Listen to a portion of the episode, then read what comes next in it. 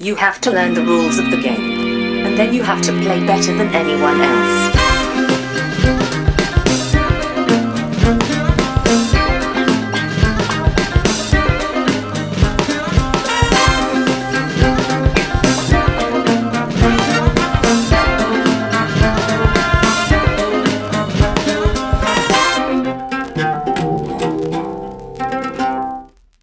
Hej och välkomna till Vems turen är mellan turerna? Podcasten där vi pratar om spel. Jag heter Marcus Brisman. Med mig har jag som vanligt min bästa vän och kollega, bitter till min tysk, Johan Gärderud.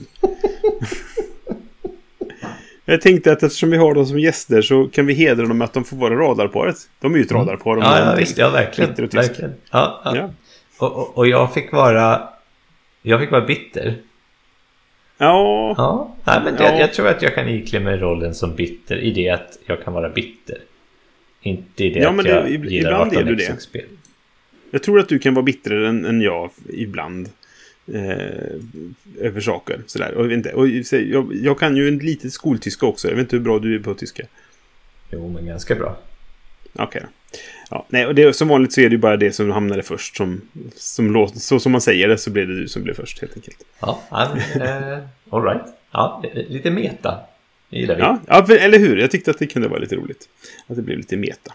Men eftersom vi har gäster som kommer sen så ska vi bara gå vidare till vår första programpunkt så hoppar de ju in sen efter vi pratat om vad vi spelat. Just precis. Ja, det, det. vi mår ju bra så att... Ja, Ja, som vanligt. som vanligt.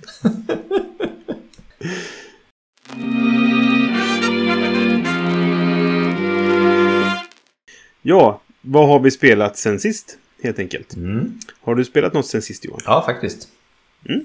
Jag hade ju lite påskspel-dates. Så att eh, Just det. jag har fått spela lite spel. Vilket var roligt. Det var bra. Ja, Men ett av dem är Bitoku. okej. Det har vi väl inte pratat om? Nej, och det här var ju ett spel som var väldigt mycket snack om ett tag precis när det släpptes på SM 2000, vad var det, 20, 22 va? 2021? Eller 21 kanske? Ja. Nej. Nu ska vi se. Eller var jo, det 20? 2021 måste det släppas. 21 kanske. Mm. Ja, 20 kanske. Ja. Jag minns inte. Det var väldigt mycket snack om det i alla fall. Och jag var nyfiken på det själv. Och så fick Mm. jag inte tag på det. Och sen är det ingen som snackar om det längre. Så det, det försvann lika fort som det dök upp känns det som. Mm. Ja, det var till och med på rea nyss också. Så att eh, man vet ju, spelen Ja. har väl kanske inte lika lång livslängd eh, nu för tiden som de kanske hade en gång i tiden. Man vet ju aldrig riktigt. Mm, nej, precis. Men jag i alla fall, jag var ju väldigt intresserad av det. Men det, jag tror att det var ett, ett, ett SM som jag inte kunde åka till av någon anledning. Där, där det debuterade. Eh, Men det var definitivt min lista liksom. Eh, Och nu fick jag chansen att spela det. Och det är alltså en, en, en kakafoni av både färger och mekaniker. Okej.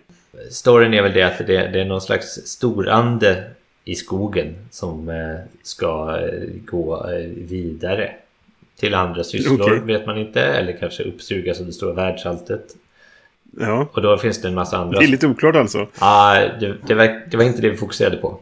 Okej. Eh, och då finns det en massa små andra då som vill bli kalif istället för kalifen som jag brukar säga. Mm. Det är ett dice placement-spel.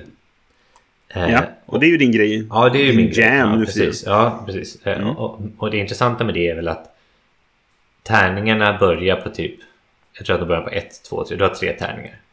De är också dina workers. Och du slår aldrig tärningarna. Utan. Okej. du måste manipulera numren med hjälp av spelens effekter. Och då såklart, ju högre nummer du har på tärningen, ju starkare blir tärningen. Då har du också en, en lek med kort på handen som är dina så små, små hjälparandar som du har. Allting är inspelat av japansk mytologi för övrigt. Så det är ju lite up my alley där också. Men du, det gör så att du spelar ett kort som tillåter dig att göra en handling helt enkelt på bordet. Eller så flyttar du en tärning. Men du måste Okej. låsa upp tärningarna först. Så det är en massa in, interlinkade mekaniker där. Det är, det är då den här hand... Det är som lite däck... Eller inte riktigt deckbuilding, mera handbuilding. Okej. Om man spelar korten så, så tar man nya kort. Det är ganska lätt också att få ut kort ur leken och de blir poäng sen. Och, och de här, den här leken tillåter göra olika, olika handlingar som jag sa på bordet. Eh, och såklart de nya handarna du köper till din lek gör kraftigare handlingar än bas, baskorten.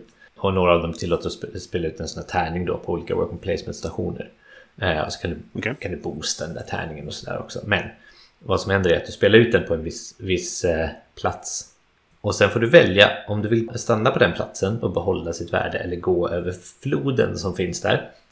Hela spelplanen är liksom en karta över skogen så att det, det är så geografiska platser som man kan Okej. besöka med sina tärningar då. Eh, Eller med sina kort. Liksom den här tillåter att ta den från därifrån, den tillåter att ta den från därifrån. Där finns en stig du kan gå på. Mm. Det här är väldigt plottrigt när man tittar på det första gången och så bara kliar man sig i huvudet. Men Ja, kort, eller spelplanen ser väldigt eh, intensiv ut kan man säga. Ja, precis. Det skulle jag nog vilja, vilja säga att den är också. Men så, man kommer in i det där så småningom. Men vid första anblick är det lite så här avskräckande, måste jag nästan säga. Men ger man sig in i det så var det en väldigt slimmad upplevelse. Okej. Jo, jag, jag, jag, skulle säga det att när, när du, om du väljer att gå över den där floden så kommer du till en annan worker placement area där du får lite andra handlingar då. Till exempel ta kort eller så. Eller poängkort som räknas mot slutet. Men vad som händer när du gör det är att din tärning sänks med ett steg. Jaha.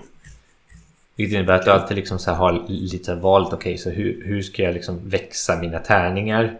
Om jag också tänker gå över floden. Och så här, för när du tar tillbaka tärningarna så slår du dem inte utan du ställer tillbaka dem på din, på din spelplan. O, oslagna med det värdet de hade då. Eh, det är en rätt intressant mekanik egentligen då. då eh, som jag kanske inte har sett någon annanstans. Men, men, men, det, men annars är det liksom ett myller av, av olika mekaniker som man har slagit ihop. Men, men det funkar bra. Jag tycker att det är slimmat. Det var ett bra spel. Det jag skulle kunna likna det med i, i det att man typ så här, ja, man har deck, deckbilder som tillåter att göra olika handlingar är typ Roko- Rokoko. Mm. Fast lite mer avancerat och, och ännu lite mer eh, Det finns mycket, mycket mer att göra på spelplanen. Liksom. Och sen är det såklart man ska samla poäng. Det finns en set collection moment.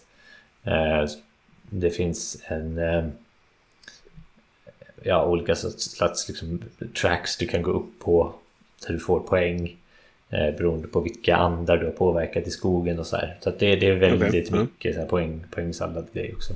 Men, men i det hela var det ett bra spel även om det vid första anblick och li, lite så nu märker jag när jag pratar om det känns väldigt rörigt. ja. Ja det, det verkar som att det finns mycket att göra i det. Och det, det Ja. tror jag det jag har hört också. Att folk sagt sådär. Att det, det finns väldigt mycket olika saker att göra. Och det kan bli lite... Ja, tröskeln kan vara lite hög att ta sig in i det. Ja, det skulle jag säga att det är också. Men ehm, Mm. jag tycker när man väl kom in i det så det här är ingenting du kommer så här, bemästra första gången du spelar. Liksom. Utan, Nej. att, utan att det är um, ta ett tag och hitta liksom, sin strategi i det. Och så beror det lite på vilka poängkort du får och sånt också. Men jag tycker att det flöt ihop ganska nice. Okej. Ja.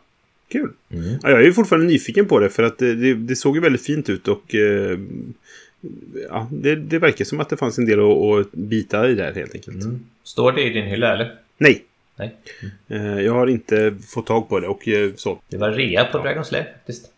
Här om Okej. veckan. Det var påskrea men det är nog slut nu när ni hör det här. Den, ja, precis. Ja, nej, det är inget jag kommer jaga efter. För att, lite grann av den anledningen för att det var mycket prat om det och sen så slutade alla prata om det. Så du tänker att du, du kanske inte var så mycket ha. Men då kanske det ändå kan vara värt att testa nog. Jag behöver inte köpa det, jag kan prova någon annans. Jag tror, jag tror att jag kommer ha det där. Det, det var inte så här köpa bra kanske.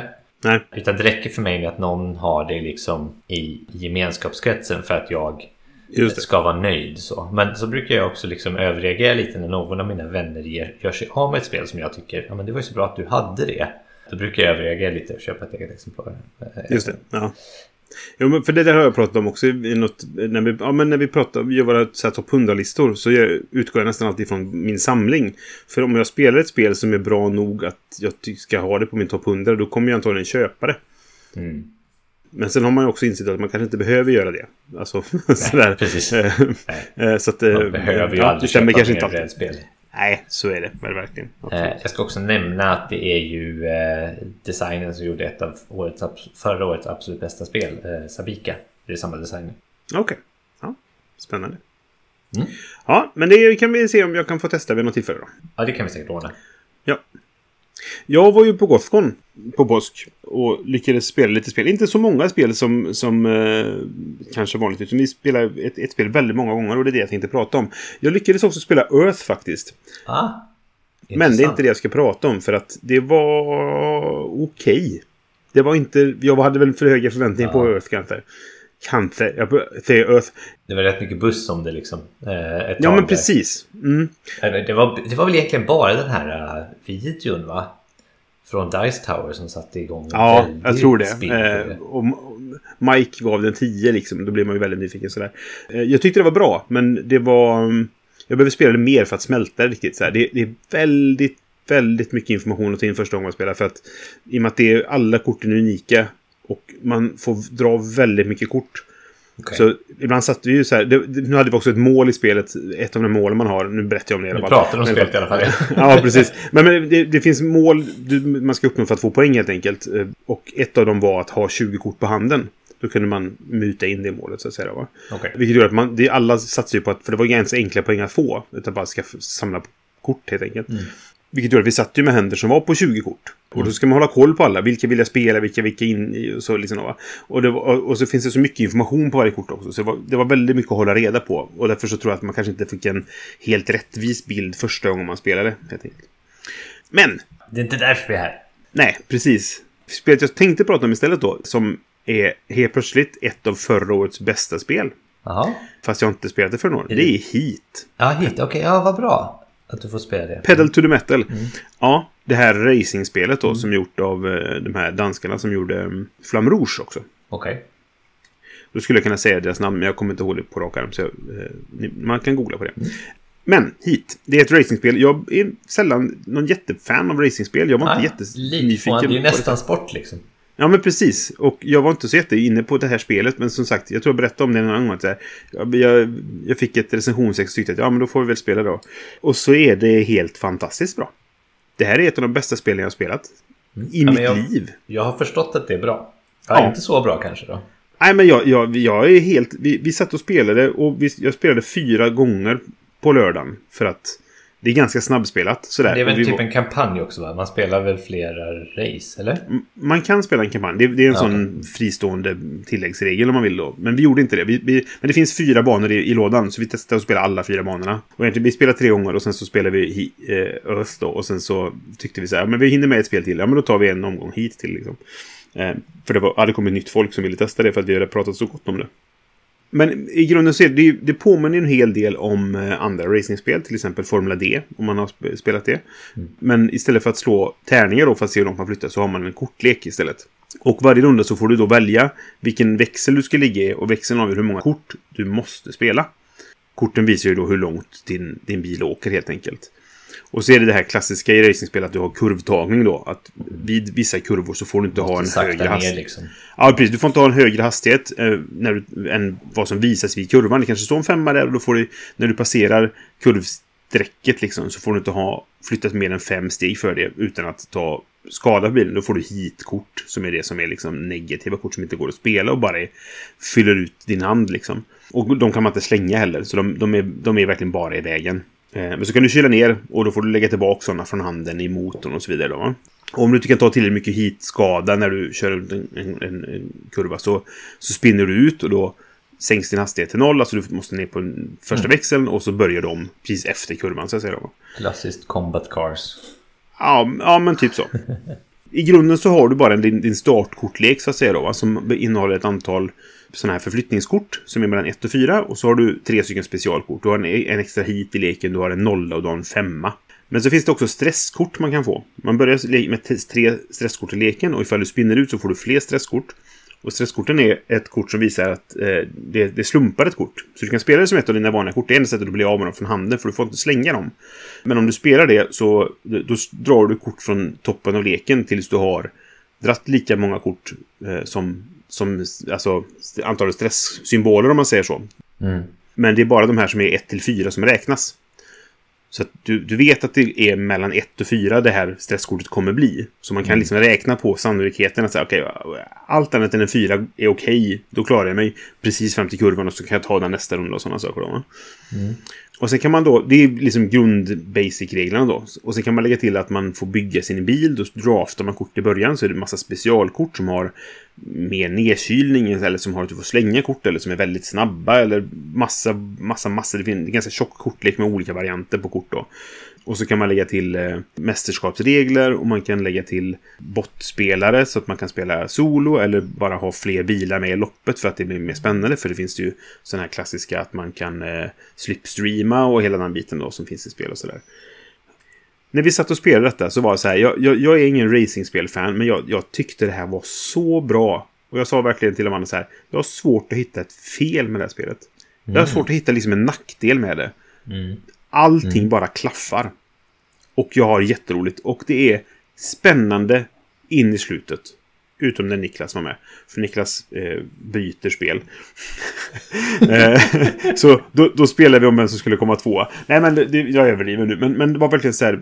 Flera av loppen vi spelade så var det så här. In i sista eh, rundan så var det spännande. Vem kommer vinna liksom? Att Vi gick in i sista kurvan och så är det sista raksträckan och bara åh, jag kan ta det fortfarande eller sådär. Och det var flera tillfällen som någon hamnade jättelångt efter på grund av ja, men en miss. De spinnade ut vid fel tillfälle och alla andra körde om, om och så vidare. Och så lyckades den spelaren ändå komma tillbaka och vinna till slut genom någon snygg manöver då. Den spänningen tycker jag ger spelet väldigt mycket. Mm.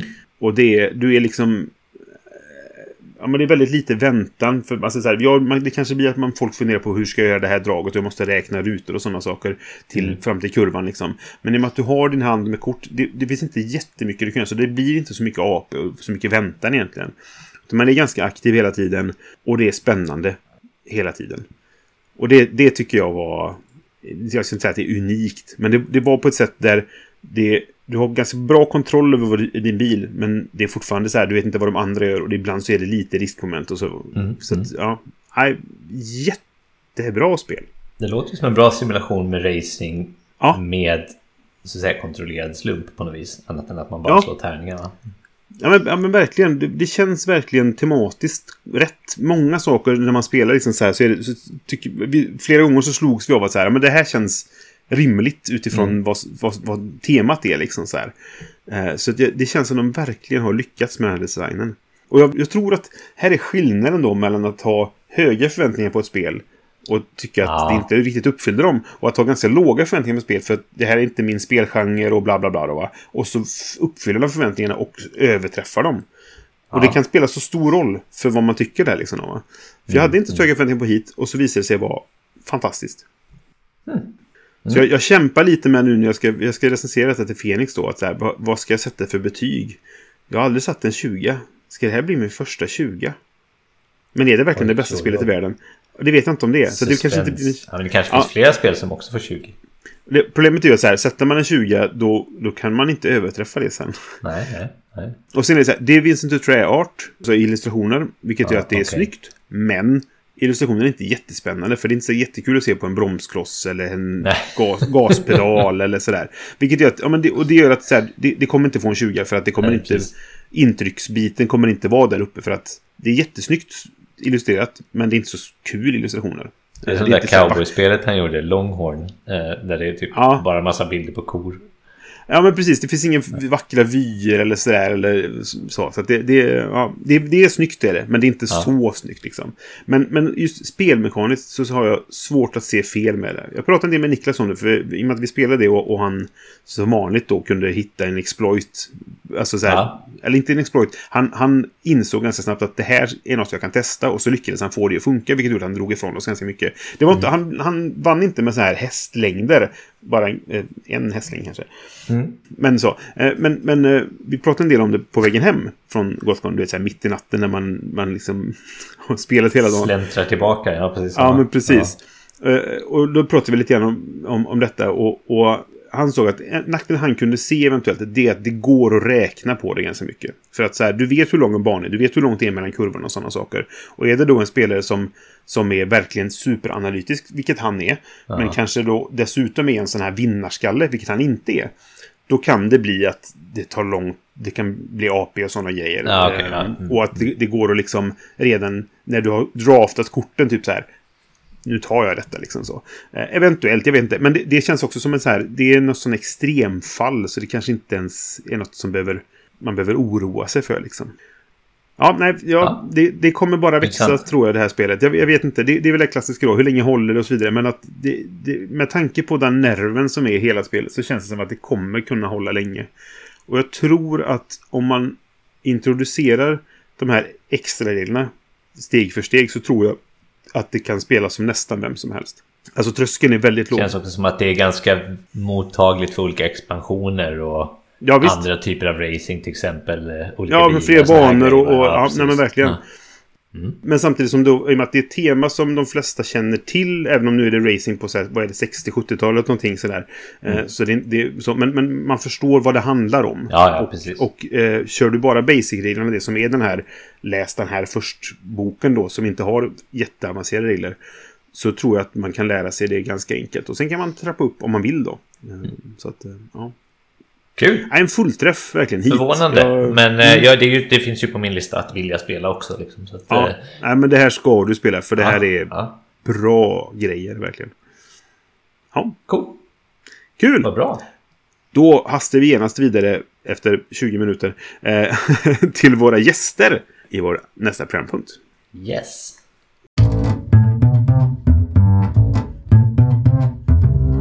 Vi har alltså gäster i detta avsnittet och inte bara en gäst den här gången utan två stycken. Vi har med oss Alexander Freudenthal och Björn Hansson, nämligen Bitter och Tysk. Välkomna! Välkomna. Tack och förlåt. Tjusigt. Ja. Trevligt att vara här måste vi säga. Ja. Ja, vad kul att ni vill vara med! Ja, verkligen. Vi har ju gästat varandra åt alla möjliga håll tidigare, eh, sådär. Så att det är jättekul att vi får chansen här nu också. Vi vill alltid vara med, men, men det blir inte alltid till. Men när vi får så vill vi. Ja. Precis. Ni har alltså en, en, en podd som heter Bitter och Tysk. Som säkert alla våra lyssnare känner till. Men berätta lite kort om den. Ja, det är någon sorts eh, geriatriskt eh, klagomur kan man väl säga. Ja. säga. Vi är två, två förvirrade farbröder som har varit med i spelhobbyn sedan den var svartvit och på vinyl. Och sen så är vi inte lika längre lika unga och heta så att då, då gnäller vi om det lite grann. Sådär. ja. Det är någon form av, egentligen är det någon form av inre gemensam stödtjänst och sen så av någon anledning vill folk lyssna på oss. så här, vi vet inte riktigt. Det är så här, vi tar hand, vi tar hand om varandra och stöttar varandra och sen så, så spelar vi in det. Det har vi gjort i eh, över fem år. Vi är inne på sjätte säsongen nu, vilket är jättekonstigt. Och så gör vi ett i veckan. Oj. Ja. Det är många avsnitt. Det är 187 är vi uppe i nu tror jag. Bra jobbat. Ja, Ja, ja, Bra eller, eller så är det maniskt och konstigt. Vi Ja, säger att det är bra. det är jobbat i alla fall. Ja, precis. Ja, precis. Vi, vi brukar ju ha eh, några eh, frågor som vi ställer till våra gäster som man ska lära känna dem. Nu har vi varit inne lite grann på vilka ni är då, men ni kan få berätta lite grann om er själva också, eh, helt enkelt. Eh, vi- vilka är ni? Björn, du kan börja. Eh, då förmodar jag att du menar i, i brädspelssammanhang tänkte jag säga. Eh, Ja, jag tänkte allmänt i livet också. Oj, Oj! oj. Nu Då är djupt. jag Nu går en, vi djupt här. eh, en avdankad, eh, avdankad gammal eh, musiker som sadlade om och blev eh, byråkrat. Och som hela tiden sedan jag var åtta år gammal har haft spelhobbyn med mig längs vägen. Och det var eh, ja, först rollspel, sen krigsspel och sen eh, Eurogames. Och på senare tid så har jag snöat in ganska mycket på saker som har tåg i sig. Kan man väl säga. Det är jag. Mm. Det är du. Vem är Alexander? Och Jag heter Alexander Freudenthal och det är mitt fel att han snöade in på tåg. Så alla som, det har jag tjatat om, men det är mitt fel och det är så det är. Eh, jag har, är en, eh, också en eh, pådankad musiker, höll jag på att säga. Jag, jag håller fortfarande på och spelar eh, ganska mycket eh, av och till. Klezmer-klarinettist i grunden, men har leder lite olika storband och eh, och sen så håller jag på ganska mycket med klassisk musik i P2 ibland och sen så jobbar jag i bokhandel, i sån här kulturnisse. Men förhoppningsvis inte för, Mm. eh, inte för eh, von oben och töntig utan lite mer att det är kul med, det är kul med kultur. Eh, och brädspelandet följde mig också länge. Jag hade en period där, det inte var så mycket men sen så eh, snöade jag in på det igen och sen så fann eh, farbror Björn och jag varandra och sen så har vi fortsatt på den vägen. Ja, så. Fråga två då. Vilka är era favoritspel? Kan Alexander börja nu då? Uh, ja, och då är det så här. Jag brukar, jag brukar alltid säga Power Grid eller Funkenschlag för att det är ett favoritspel. Men sen ska du ju dock Mm. erkänna att jag inte spelat Power Grid på säkert tio år om jag ska vara elak och krass med mig själv. Så att då, då tänker jag att då får jag kasta in Just nu så är, vill, jag, vill jag ändå nämna Confucius, Alan Pauls klassiker, för det var ett väldigt bra spel som jag spelat betydligt ny, mer nyligen och det är ett fint spel av Alan Paul, Okej. Confucius, utgivet på Surprise Stare Games och går, går att få för inga pengar alls på Geek Market för att det är så fult. Ja. Jaha. Nice. Björn då? Ja, mitt, mitt favoritspel får väl sägas vara 1830 ändå. Francis Treshams eh, stora genombrottstågspel där som kom 1986. Fast du måste väl nämna Bruce också? Bruce Dickinson. Nej men han som, vad heter han som, som 1830 var ju Bruce. Shelley. Ja, för att det är inte 1830 utan Bruce Shelley. Ja, nej det är sant. Men det, nej. Francis ska ha, ha äran. Ja, all Bruce, heder, Bruce var i kulisserna. Okej. Eh, I vårt förra avsnitt så pratade vi om det här med, eh, med downtime, eller nertid, hur man nu vill säga, speltid och sådär, och, och väntan medan andra gör sin tur och sådana saker. Hur, hur ser ni på det? Eh, är det något ni tycker är jobbigt eller som ni tar med en klackspark liksom? Jag får i det närmaste så här anafylaktisk chock av nertid, tänkte jag säga. Så att jag, jag gillar inte det. Jag är diagnostiserad med, med svår allergi mot det. Men, men det, Mm. det ska sägas att så här, på äldre dagar så har jag mer och mer börjat spela spel för sällskapet och umgänget. Alltså jag börjar mer och mer dras åt att man umgås och spelar spel istället för att man spelar spel och så kanske man eventuellt råkar umgås som en bieffekt. Men då har jag Mm. märkt att den typen av spel som tillåter sånt, det vill säga lite lättsammare spel, där är jag mer okej med nertid. Men så fort det vankas seriösare spel, då, då grejar inte jag det. Så jag föredrar ju oftast att hålla spelarantalen rätt låga. För att folk Mm. är långsamma och jag gillar inte folk, eller mig själv. Men jag, jag, jag- jag inser att för mig så är det... Jag stör mig betydligt mindre på nertid än vad Björn gör, men, men överlag så stör jag mig mindre på saker än vad Björn gör. Alltså jag, det ska sägas att det finns en anledning att han är bitter och jag är tysk. Eh, Ja. så, för, så att, så att, men, men samtidigt kan jag ju tycka att nertid... Det beror på om... Det, om det är ett klurigt spel som jag ändå har lite funderingar på själv, då, då gör det inte lika mycket. För då kan jag säga, fundera lite vad vi gör sen. Problemet är att mång, visst, det finns nertidsspel där mina klurigheter går om intet för det är helt taktiskt och allting beror på vad spelaren före mig har gjort. Och då är det inget, det, då är det Mm. inget kul att planera för då är det ändå kört när det är min tur. Mm. Men om det är så att det Mm. finns utrymme för mig att planera och det kommer inte eh, förstöras med de andra spelarna, då kan jag tycka det är helt okej. Men, men däremot så tycker jag att, att vad jag tycker illa om med nertid är snarare mina medspelare. Det finns ibland spelare som har en tendens liksom att ta fram mobiltelefonen när det inte är deras tur. Och det tycker jag är så här, nej, men då behöver du inte spela spel. Då kan du sitta hemma med din mobil. För mobilen, alltså det är någonting i att, men engagera dig i vad dina medspelare gör, var lite nyfiken liksom, om det nu är nertid. Sen håller jag med att det är Ja. trevligt om det inte är nertid och man kan ha lite gagga lite och garva lite och det gör inte så mycket. Men har man nertid så ska man liksom respektera den spelare som tänker lite i alla fall. Ja. Vi konstaterade lite grann det i förra avsnittet då att, att eh, vår syn på det var att man slösar inte med andras tid. Nej. Så, så blir alla nöjda liksom. Nej, det precis. Örfilas för lite i samhället. Ja. Absolut, och, och, och man ska inte...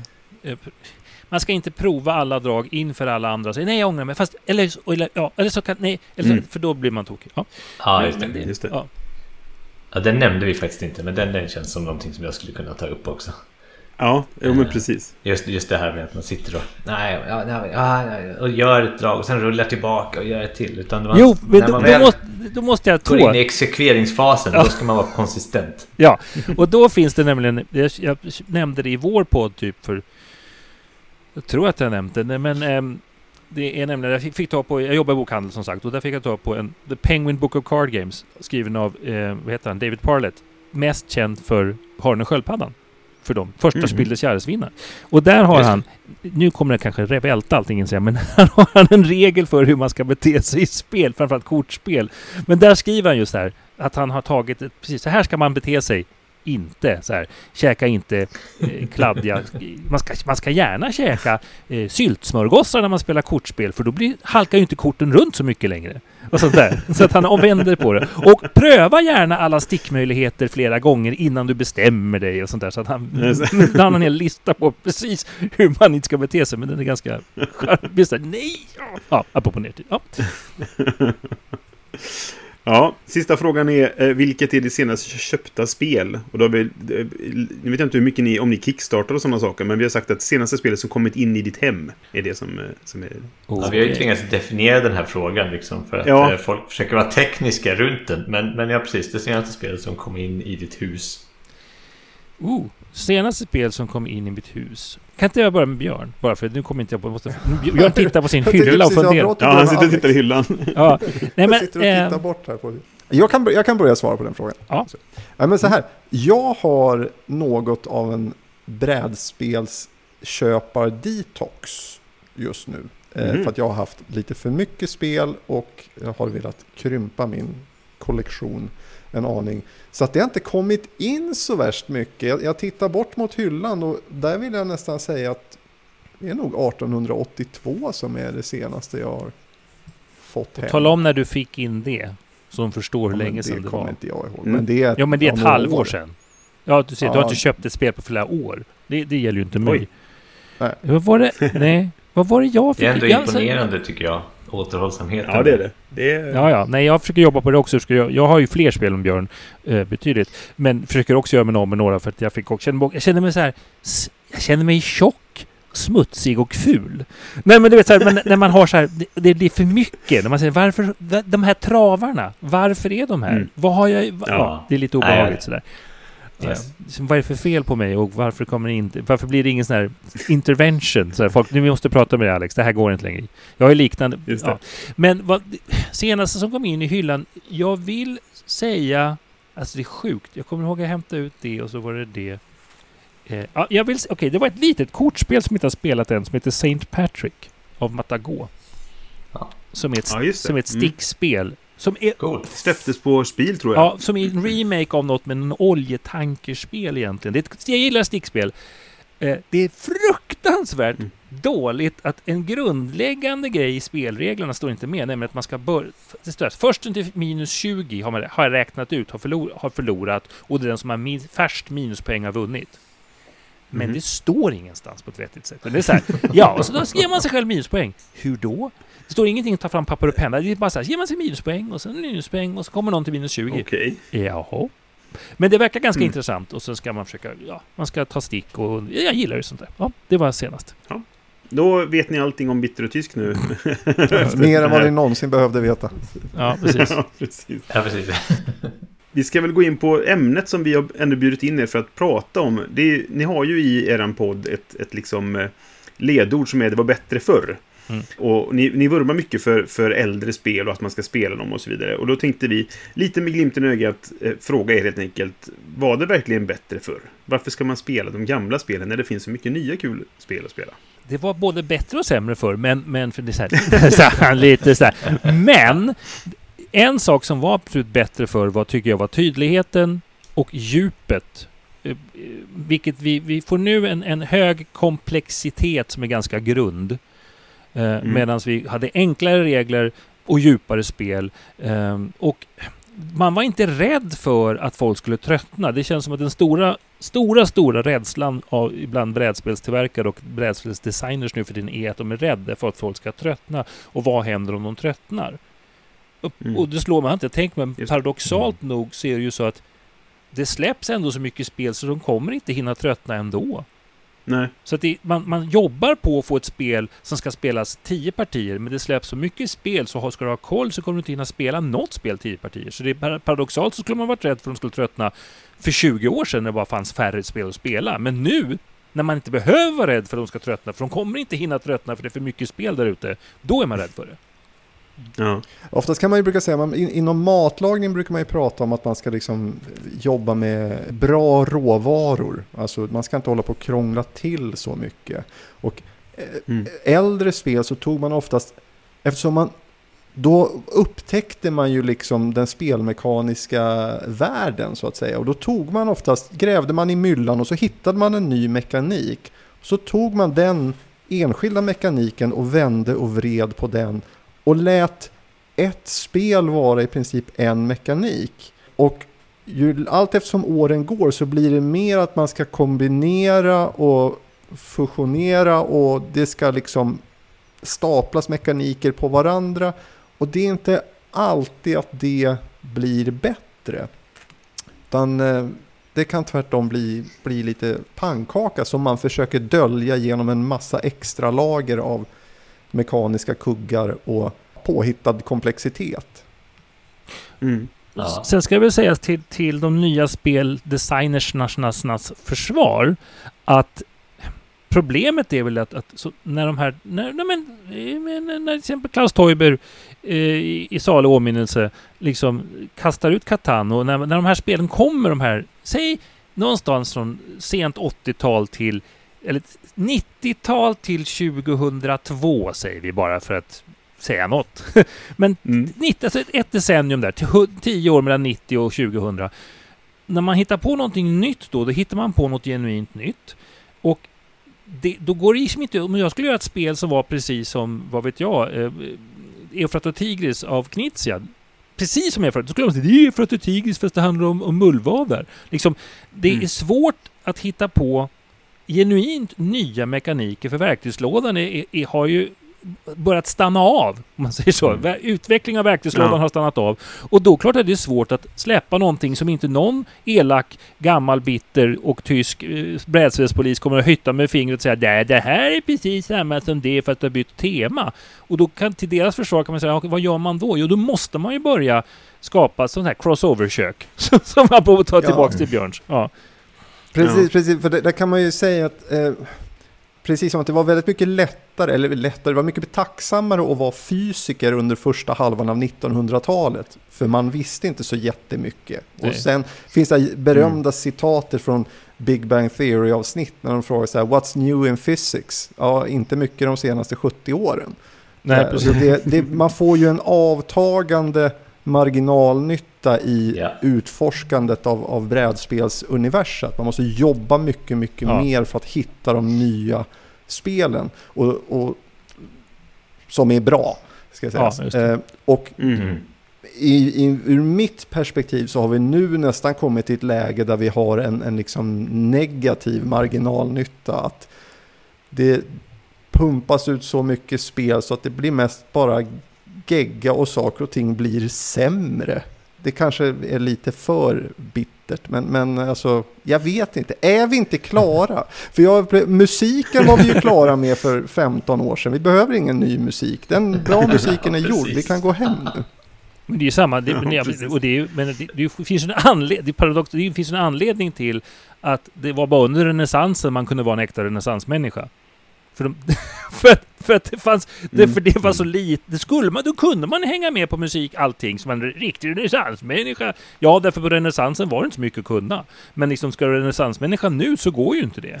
För, av, av bara rent praktiskt. Du kan inte läsa allt som har getts ut. Du kan inte göra någonting. Och musik, klassiska musiken är samma sak. Du har ju verktygslådan är färdig och så blir det hur kombinerar vi de här nya. Och det ska absolut sägas att det finns guldkorn. Jag menar, jag måste säga att eh, Oves två senaste, både Atiwa och eh, Oranienburger kanal, visar att det går fortfarande att fräsa lite på eh, och hitta roliga nya twist på gamla idéer liksom. Så att det finns ju det, men, men som Björn säger, det är väldigt svårt och det blir mer och mer någon form av Alltså, sen är det att det blir jätteinne för den stora massan och då måste man ju passa på att tjäna pengar och då vet man, och när pengar kommer in, då vet man inte vad som händer.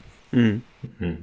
Finns det någon fin gräns där, när, för, för som ni tycker då, att när, när man hittar en, en bra nivå på hur mycket som giggas till liksom. Alltså, jag, jag håller ju med om att, att eleganta speldesigner som innehåller väldigt lite liksom, mekaniker och mm. där man gör något mycket av lite om man säger så. Det tycker jag är väldigt snyggt. Men det verkar ju svårt då att, att skapa det nu för tiden för att ja, men det är redan skapat som, som ni är inne på då. Finns det någon gräns där som ni tycker att när, när blir det för mycket liksom? Vad menar du med när? Tidsmässigt eller, all, eller konceptuellt? Nej, alltså i, i, ett spel. Ja, precis. Konceptuellt i ett spel då. Att när, slutar med, när, när ni kommit hit liksom? Kan man prata på det på det sättet? Det, är så, det där är ju så otroligt svårt att, att liksom Mm. kvantifiera. Det, där, det är lite granna som att man ska hitta en definition av porr. Det är ju det här, alltså jag vet vad det är när jag ser det. Ja, precis. Eh, precis, precis. så, Ja. så att det, det, Och sen beror det väl inte, på det- sammanhanget, tror du inte Mm. det Björn? Alltså till exempel eh, Robinson Crusoe, eh, Adventures on the Cursed Island, var den undertiteln som jag hade kommit ihåg. Det är ju fruktansvärt mycket lullull.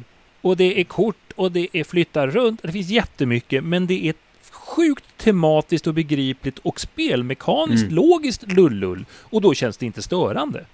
Nej men precis, och det, här, det handlar ju mycket om dels då att eh, spelets designer, hur pass bra den lyckas väva ihop flera mekaniker. För varje mekanik det läggs på så blir det exponentiellt svårare att göra det. Men sen även då att eh, spelförlaget ser till att designen får jobba med någon sorts redaktör. Vilket ju är det som lite grann saknas i en stor del av många spel som kickstartas. Att det är mer den här enskilda designen som har en dröm om att ge ut sitt spel när den i själva verket skulle behöva en tysk och bitter farbror som sa åt honom att du kapa hälften av dina grejer och stoppa in träkuber istället. Mm. Men sen samtidigt ska jag väl igen som, som i, säga emot sig själv så jag menar det är massor det släpps jättemycket framförallt ska jag säga sådana här IP-spel, så intellectual property-spel. Det är Marvel och det är vad du vill. Och det finns människor som, som tycker det är det mysigaste som finns. De älskar allt som är Marvel och det gör att de struntar i om spelet är bra. Därför att det är så underbart att få spela, leka Marvel, eller vad det är, Zombicide som vi, som vi var elaka mot där. Marvel, det där Just det. man skulle, Marvel Zombies och så den där jättestora planetätaren och liksom och, men för vissa människor så är det, det kan inte bli bättre, för de lever under bästa tider. De tycker det är underbart, det är fantastiskt. Strunt väl om spelet Mm. är bra, jag får leka Marvel. Och egentligen så, så skulle man bara egentligen, tycker jag, kanske ha stora kartonger där man stoppar ner fyra stycken One size fits all onesies med Marvel och sen säger men lek själva då, så får du ut sig till Spindelmannen. Titta, det är, det är, maskeraddräkt i en låda och sen så kan Ja, man ja, leka. Ja, nej, men den, den typen av spel, alltså jag upplever att den amerikanska skolan av spel är ju oftast mindre skyldig till att den här mekanikstaplandet, de, de gör ju inte anspråk på att vara liksom mekaniskt intressanta och liksom så här Mm. viktiga ur ett ludologiskt eh, studieperspektiv. Utan där är det ju, men vi ska ha lite raj-raj och slå tärning. Jag, jag kan uppskatta den, jag tycker det finns något hedligt i Ja, den enkelheten. Mm. Så att utmaningen som jag vänder mig mot det är ju mer den här sydeuropeiska What's Your Game-skolan som jag tycker infiltrerar en större och större del av spelhobbyn. Liksom. Men har inte det att göra med att det, att det är... Nu låter det jätteelakt för vi, vare sig du eller jag Björn har, eller någon av oss fyra, vare sig Brisse eller Johan eller vi har designat spel själva, tror jag. Eller? Nej, eller? Har jag fel? på amatörbasis. Mm. Nej, jo, men min poäng... Ja, just det. Men, men ingen av oss har gjort det, men det känns ändå som att det är lite lättare att, att fluffa till liksom. Jag kastar de här mekanikerna på varandra och så har jag ett schysst tema och så kommer folk inte märka att det är glappar i, i kanterna. Mm. Men det känns ju så. Det är lite som att det är Mm. jättein inom svensk litteratur just nu om så här autofiktion, att man ska bara skriva liksom, det är egentligen ditt eget liv, för du kommer Ja. inte hitta på någons annans liv, så du skriver ditt eget liv fast du har bytt namn på Ja. personen liksom. Just det. ja, nej, för jag, jag och Johan också, om jag får tala för Johan en, en, sekund, så är, vi är ju sådana som gärna går igång på Marvel och Star Wars och sådana saker. Men det är ju alltid, det räcker ju inte med att det är ett kul tema. Det måste ju finnas en mekanik som bär upp temat också för att vi ska stanna kvar i spelet. Man kan ju lockas till ett spel av temat, Mm. men sen att, att fortsätta spela det är ju en helt annan sak. Exakt, men det är den där lockelsen som jag tror är fortfarande är lite oemotståndlig. Liksom. Om någon hade gjort, gett ut så här funkenslag Star Wars, då hade jag nog fan köpt det. Alltså, utan att... eh, så det, Och då har du fått ett bra spel också. Vi sitter ju gärna på någon sorts, eller inte, vi vill ju inte sitta på några höga hästar och ha von oben, men, men det, det som vi kan komma på oss själva, det är ju att om man vänder på det där och istället för att ta det här coola Star Wars eller Indiana Jones-temat, om du skulle släppa ett spel som handlade liksom om, ja vad vet jag, revision av en rörfirma i Bremen. Alltså det skulle vi tycka var tvärsexigt. Det blir någon sorts eh, Ja. motreaktion. Ja. Alltså, så vi, vi är ju lite tematorsk också, Ja, fast ja, tvärtom. Liksom. Ja, Tråktematorskar. Man, man går och letar. eh, Det var en period i alla fall på, när vi gick på Essen och letade efter spel med, med så här annorlunda teman. Och hittade man ett då köpte man det. Jag brydde mig inte om vad det var. Så att det finns ju... Det finns ju alltså en av mina reflektioner är typ att det, det, man let, det jag letar efter mycket i spel idag är liksom innovation. Och, och jag håller med er att idag hittar man inte särskilt mycket in- innovation i, i regler. Medan förr i tiden var det kanske mer typ att man testade ett spel och man fick en helt ny upplevelse. Man tänkte wow, det här är ju, det här är ju skitfräckt liksom. Eh, och nu, nu är det mer typ som man testar här, nej det var ingenting. Nej, man testar med det här, nej det var ingenting. Nej, sälj. Och sen så kanske man hittar något av tio liksom. Men sen finns det ju en annan typ av innovation och det är också det här, det här vi är inne på just nu, liksom, temat. Man, man vågar kanske göra lite mera modiga teman nu. Rörmokartema eller, eller vad det nu är. Eh, och, och det lockar lite också liksom. Eh, för att det, det finns så många spel gjorda på de temana som liksom traditionellt funkar. Jo, men jag, jag tror man kan sticka ut med Ja. att ha ett udda tema som, som verkligen går tvärt, stick i stäv mot, mot vanliga teman som, som du säger Johan. Och sen, sen så- det som man vill, alltså medskick här, det är ju att vi förstår ju också att om alla bara skulle sitta på Geek Market och köpa gamla spel, då skulle brädspelshobbyn i mångt, alltså spelföretagen skulle gå omkull. Så att, köp era nya spel också, men, men gräv i historiens mylla och liksom se var kommer de här grejerna ifrån. Det är väl, det är väl lite så här medskicket Mm. som vi, om vi ska kompromissa. Ja, och också någonting som, som, som de gamla spelen som vi mer och mer upptäcker eh, saknar, det är den här kollektiva spelplanen. Som, alltså det har ju blivit, i alla fall upplevt till stor del, framförallt på Eurospelsidan, så blir det mer och mer att man alla har sin egen lilla tablå och så är typ spelplanen någon form av bara Mm. poängräknare. Eller Mm. man drar kort därifrån. Medan i gamla spel, så jag menar jag tänker på Five Points som var ett varför spelar inte fler människor? Five Points var ju till och med en flopp när det kom. Andreas Steddings spel om eh, de här eh, amerikanska eh, New Ja, Yorks just det. gängen liksom under 1800-talet liksom. Men det är ett jättesnyggt spel. Det är ett fantastiskt snyggt spel och det är också gemensam strid på kniven på ett gemensamt bräde. Och det, är, det kan jag verkligen sakna i de moderna spelen. Det här att att det blir interaktivt därför vi faktiskt spelar på samma bräde och då blir det en helt annan inter- interaktivitet. Ja. Eh, om, om man nu känner så här då att ja, men Mm. jag skulle vilja eh, spela mer äldre spel och, och få lära mig av de som kom före mig så att säga då, eller de, de som, som eh, har byggt upp den här hobbyn under lång tid. Vad, hur ska man liksom ge sig in i det då? För det känns som att det, det finns så mycket att, att ta tag i om man vill det.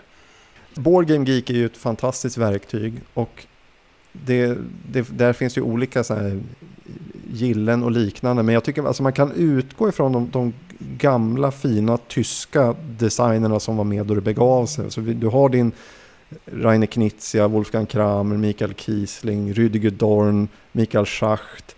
Om man går in på Geeken och söker på dem och så kan man ju bara titta vilka är de här personernas tio högst rankade spel. Mm. För de flesta av de högst rankade spelen från de här herrarna, de kommer... Ja, de är från mellan 95 och 2005 ungefär. Ja. Börjar man liksom lirka i nystanet där så kommer man upptäcka en alldeles fantastisk värld. Eh, jag tror att det, det, det är Mm. nog en bra väg att gå. Mycket klokt. Och Och förstås. lyssna på Jag håller med. precis. Ja, det kan man också göra. Men, men ja. tips, helt enkelt. Ja, jag har en liten, eh, ett litet minitips där. Jag, jag läser en tidning som heter Tabletop Gaming. Jag vet inte om ni har hört talas om den. Jo, jo. Ja. De har ju en artikelserie. De har gått igenom, först gick de igenom varje Spieles Jahr så skrev om det. Eh, från Haren och Sköldpaddan och, och, och upp till, jag tror det var förra året. Och nu har de en, en där de tar upp typ varje år. De var på 2011 nu senast och så berättade de att det här året kom de här, de här spelen. Och de, har, de, började, de började mycket längre tillbaka än så. Alltså det man- man vill grotta ner sig där liksom, och vara lite extra så här typ att ja, nu ska jag kolla upp 2010 liksom. Så kan man göra det i den artikelserien. Ja, de här det är- finns sånt där är ju digitalt också tvärkul. som pdf att köpa. Ja. Det, är väldigt mycket. det finns ju också finns en, en, en Cult of the Old som de har släppt, tror ett nummer, en tidskrift och sen finns det också tror jag, ett gille på Mm. Board Game Geeks som heter Cult of the Old. Vill jag säga. Såklart. Ja, Och, och då kan man hitta sådana saker där. men när man pratar ju som Knizia-klassiker eller eh, alla de här. Men så här, gamla tyska skolan på gemensamt Mm. bräde. Det, det, ja. Ni har ju i eh, eh, Bitter och Tysk-podden då så har ju ni varje år, eller var- varje avsnitt så har ni ett år. Att här är eh, ett, ett spel eh, från det här året helt Mm. enkelt. Vilket år börjar ni på? Alltså vi fick för oss när fick, Det var ju du som kom på det Björn, för det hade med, med MotoGP att göra. Så vi, vi har ju inte hållit på med det hela tiden. Nej, precis. Ja, precis. Jag har för mig att vi började typ, ja, kan det ha varit 69? 1968 eller 1969 började vi gå Mm. igenom då. Så att vi nämner årets spel och ett hedersomnämnande. Så vi är två Eh, spel varje gång. Just det, Ja. precis. Är, är det Det svårt var att långt hitta mycket mer spel bak än den här tidningen går kan jag säga. Överlag har det inte varit, det det är vissa enstaka år Mm. eh, som det har varit utmanande. Eh, framför, det som väl, någonting som är väldigt intressant med den resan det är ju att om man tittar till exempel på 70-talet då är brädspelshobbyn i princip det är en krigsspelshobby. Mm. Det är, Ja. Och sen när vi kom fram till 80-talet då börjar det komma eh, Andra grejer. Ja. Euros. Just det. Ja, precis. Och det är väl lite talande också det här med att ja, men man inrättar Spielesjahres 79, att det kanske föder någonting. Det händer någonting där, ja. Eh, ja. Mm. Ja, precis. Och sen så börjar man liksom med de här olika speldesignerträffar i Tyskland och man börjar ha spelkonvent eller spelmässor liksom på ett annat sätt. Så Mm. det växer till sig.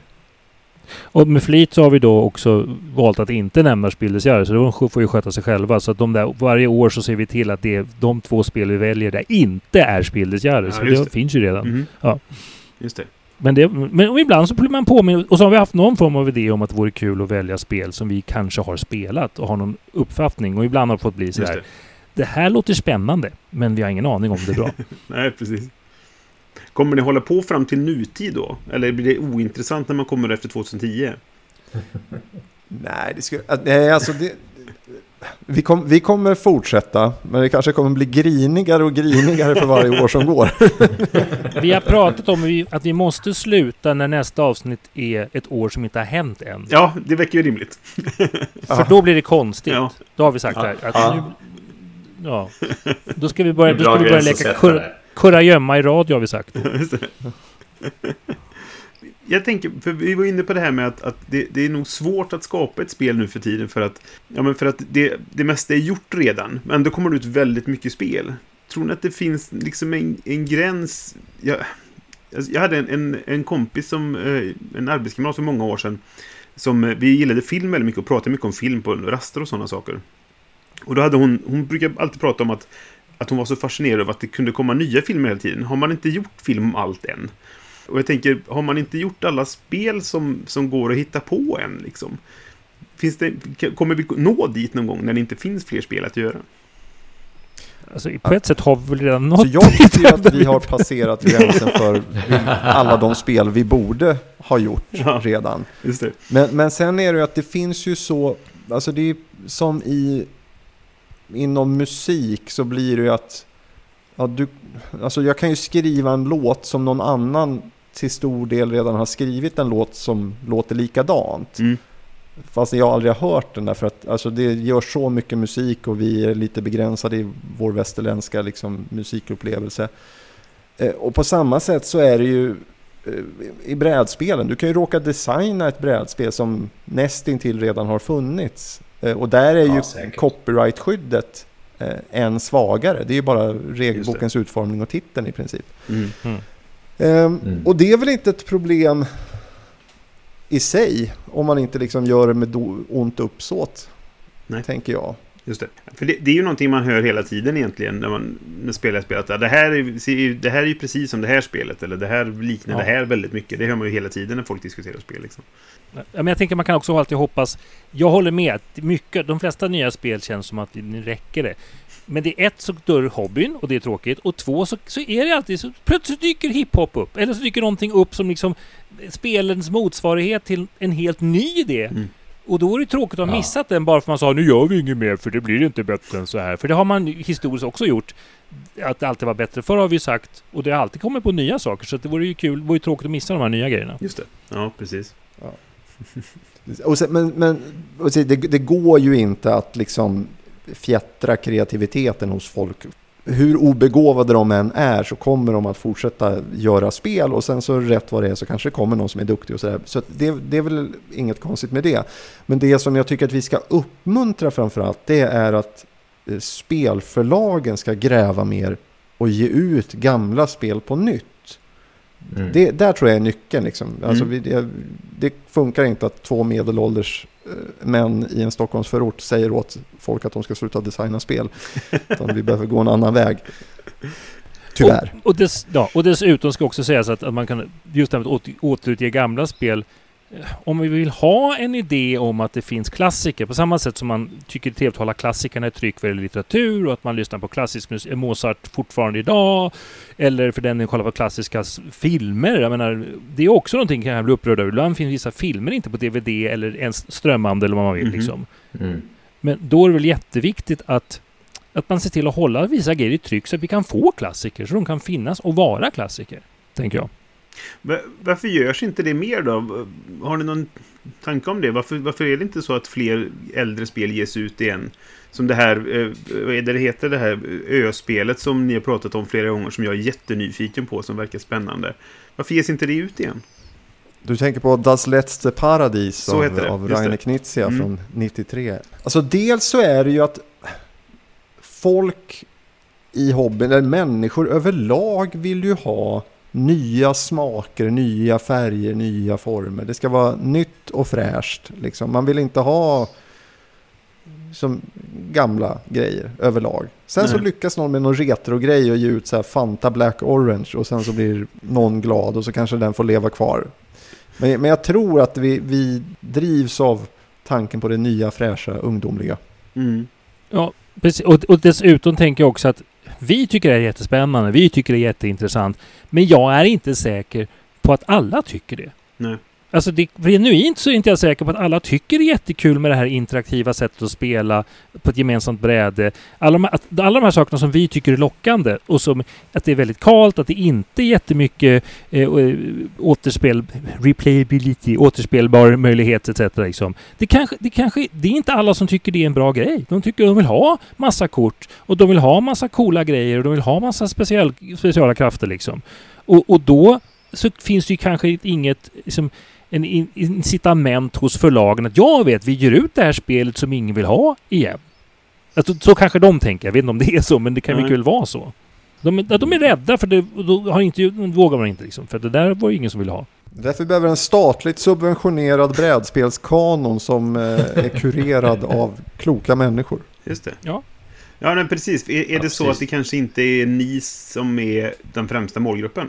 Nej. Mm. Nej, men alltså, för att, alltså, saken är, både jag och Alex, som jag tar mig friheten att prata för honom, vi tycker ju väldigt mycket om att lyfta på motorhuven på spelen och liksom, det blir mer så här ludologiska stilstudier. Att vi Mm. kan sitta och tycka så här, det här är så fruktansvärt häftigt liksom. Och där har vi ju suttit med eh, liksom, våra respektivar och spelat så här, och de ser ju inte på spel på samma sätt utan de bara, kan vi inte ha lite roligt att spela bara? Mm. Nej, då ska Ja, vi sitta och liksom här. flåsa och, och, och prata om tyska skolor och liksom, ja men du vet. Mm. Ja, nej men visst, det där känner jag ab- absolut igen också. Att, eh, vi har ju oftast när jag spelar med mina liksom, spelkompisar, då har vi ju gärna de diskussionerna och sådana saker. Speciellt ifall det är någonting jag ska recensera, så då behöver man diskutera lite grann efteråt och så här. Men det, så fort jag försöker dra upp något sånt där när jag spelar kanske med min sambos släkt då, när vi spelar eh, upp i, så här, på sommaren och sådana grejer. Ja. Då, då, då bara blir det här glasartad blick och så är det någon som kommer på att de ska gå på toaletten och någon ska gå och grilla nu och så vidare. Då, va? Så, så sitter man där och tänker för sig själv bara, ja men det här var ju spännande. I alla fall tänkte jag. Mekaniken är här så. Ja. Ja. Ja men det, är precis. Otack är världens lön. Och alla går inte och lägger sig och läser spelregler innan de somnar och tycker det är mysigt. Nej, nej. Mm. Det, det är så här, ja. Det kan Jessica titta på mig sen. Vad håller du på med? Ja, det, ja, jag ligger och läser lite. Ska du spela då? Nej, men det är intressant. Så här. Ja. Ja. Om man tänker på det här med att ge ut gamla spel på nytt. Hur mycket får man förändra om något? Om man tänker typ förtydliga i regelboken, uppdatera lite artwork, kanske ta bort något som inte funkar. Vad Byta vad går gränsen för det? Alltså jag ska ge ett exempel. Så jag tyckte de Mm. goofade. Tinners Trail av Martin Wallace. Ja, just det. Det var ett föredömligt spel. Och så var folk sur. Och han brukar inte ha så mycket slump i sina spel. Men de var sura på att man visste inte hur det skulle gå med Tennet. För man slog tärningar på hur det gick med Tennet. För, att- för det var så volatil den börsmarknaden var. Mm. Och istället så har man då ersatt det med kort så man kan lite planera lite mer. Och då är jag så här, men då, då har man ju missat en viktig poäng i den historiska skildringen Ja. av tennindustrin för fajen. Ja, varför? Det var jättemysigt och bra, lättsamt men ändå mysigt och knorvlar i huvudet på ett bra sätt. Tinners Mm. Liksom. Och då ska man ändå säga ja, och, så, och sen lite, och gärna då de här extra korten så att man blir variabel setup. För tänk om någon har fått sätta samma hus två gånger samtidigt på samma ställe. Då blir det ju tråkigt. Vi och Fasa. Ja. Ja, usch.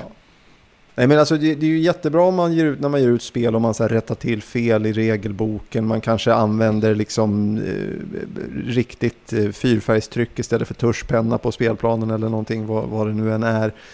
Däremot så börjar man pilla med liksom mekanikerna då, då Antingen borde kanske spelet inte getts ut på nytt då, om det är så bristfälligt. Mm. Annars alternativ, jag kan sträcka mig till att man ger ut då, man i regelboken lägger till ett kapitel som heter Det här är en tänkbar variant man kan spela. Här är originalspelet, men en del Mm. grupper gillar det här. Mm. Och sen vad gäller komponenter så, alltså, håll inte på, håll inte på att larva. Jag vill inte pröjsa 50 spänn extra för att någon ska få kunna ha möjligheten att sitta och måla plastmonster. Mm. Alltså jag, är, jag blir upprörd. Och dessutom får de ju inte plats dessutom. Alltså rent praktiskt, ofta är det så här, det är så här, men då går det inte att spela spelet för du har 14 plastmonster som ska få plats på en liten ruta. Ja, men de är så söta. Ja, men de är för tjocka. Ja, alltså jag, jag, för jag, jag, jag spelade häromdagen så spelade jag Foundations of Rome, Kickstarter-utgåvan. Just det. Och det där, alltså det är ju ett, den Oj. kartongen, det är ett arbetsmiljöproblem för Postnord. Alltså det är ju så här, gaffeltruckarna kommer ju inte greja en pall med de där. Det var ju Mm. helt barockt liksom. Så att, ja, nej. Nej. Var det bra spel då? Ja men helt okej. Helt okej. Okej. Det är en blandning mellan Big City och Suburbia ungefär. Men det, det, är ju- det är bara att det, det är ju tillräckligt med, med plast för att liksom bygga en oljepipeline till Nigeria. Mm. Om de byggs av plast, det vet jag inte. Men. Nej, men de berömda nigerianska plastpipelinesen. Ja. Frågan är då, om man tänker så här att ert vurm för spel som är äldre, hur, hur mycket är det, är det liksom grundat i nostalgi för att det var spel ni har spelat förr? Inte alls för min del, om jag ska vara krass. Nej. Nej. Ja, till... Eh, nej, alltså, 80 procent så skulle jag säga för min del så är det, är det inte det. Jag tycker att de, de... Alltså jag har ju spelat spel hela vägen. Men de flesta bra äldre spel har jag upptäckt efter att de släpptes. Och ett antal år efter att de släpptes. Mm. Ja men precis, många tyska spel som släpptes mellan sig 93 och 99, det var inte alltid att de letade sig till Sverige då, utan Nej, de har precis. man fått hitta på Geek Market tio år senare eller någonting sånt där. Mm. Ehm, så jag skulle säga, inte säga att det är nostalgi som spökar. Ni drivs framförallt av, av det ludologiska upptäckandet liksom av, av det som ligger till grunden för de spelen som, som man spelar nu. Kan man säga så? Ja. Ja, men precis. Och ett eh, passionerat eh, förakt mot eh, saker. säga. Ni är ja, lite ludologins arkeologer. Ja, ja, åh, fint det var sagt. fint sagt. Det var fint. Ja, nej men vi Ja. tycker alltså, jo, men vi, alltså, både Björn och jag är ju obehagligt historiaintresserade också. Mm. Alltså vi tycker det är intressant med historia, vi tycker det är intressant med att se en historisk utveckling. Det finns, massa, det finns ju massa saker som, som, som anknyter till det här, som gör att, att vi gillar de här äldre spelen. Därför att, ja, det, det fanns någonting där. Mm. Mm. Och sen så har ju vi, vi har ju faktiskt hjälp, inte att vi har anställt folk, men vi har människor omkring oss som är om möjligt än mer liksom arkeolognördiga. Alltså vi har Ja. folk som, som i Svenska Städningssällskapet, Stockholmssektionen med, med. Jonas och, och Björn där som Ja. Gräver fram saker som inte ens, alltså, som inte vi visste fanns på kartan. Då Nej. pratar vi alltså bulgariska källare. Så att det, nej, precis. Vi- Det gäller att omge sig med bra folk. Det är ett bra medskick. Om, ni behöver inte gräva själva. Hitta någon sur gubbe som ni kan hänga med. Ja, Det är ju det vi gör just nu. ja precis. Det länder er heder. Ja, Ja. Ja nej, men okej. Det, det känns som att vi kanske har, har tömt det ämnet då. Att var det bättre för Ja, på vissa sätt. Men kanske inte bara. Nej, Eller? samtidigt Nej. så kan vi säga att nej, det är klart det inte var. Och jag tror Ja, inte det, vare men sig... vi, får, vi låter det vara. Nej, men, jag, men som vanligt så tänker jag att det är roligt. Jag tror att det är roligare att få vara arkeolog och hitta gamla Mm. saker än att leva i de gamla sakernas tid. Därför att alla säger jag skulle Ja, leva men på, på 50-talet och Mm. lyssna på jazz. Ja, men då har det massa förtryck. Det, det var inte bättre förr, men folk ska veta hut. Ja. Så kan man säga. Nej, men det tyckte jag var en bra grej som du sa nu Alexander. Att, att eh, du vill inte kanske vara spelare på den tiden. Men att, att få upptäcka det som har gjorts då är väldigt spännande att göra nu med våra ögon. Alltså den, Mm. den ludologiska insikten vi har nu om man säger så. Ja, det är då det blir intressant. Samtidigt så ska jag Det- säga att det var ju väldigt häftigt att vara med på den tiden också. Alltså jag kommer ihåg när, när eh, Agricola släpptes. Mm. Alltså Board Game Geek höll ju på att liksom gå omkull. Folk Mm. satt ju, de var ju hysteriska. Jag har aldrig varit med om liknande grejer. Så att på sätt och vis så var det häftigt också. Men jag kan absolut sälla mig till det här med att det var, ja, den arkeologiska trippen är, är häftigare. Mhm. Ja. Ja. ja, intressant. Vi tar och går vidare till vår nästa programpunkt helt enkelt. Vill ni stanna kvar och prata med oss mer? Ja, visst. Absolut. Försök hindra oss. Ja, precis. Då går vi vidare med en liten trudelutt.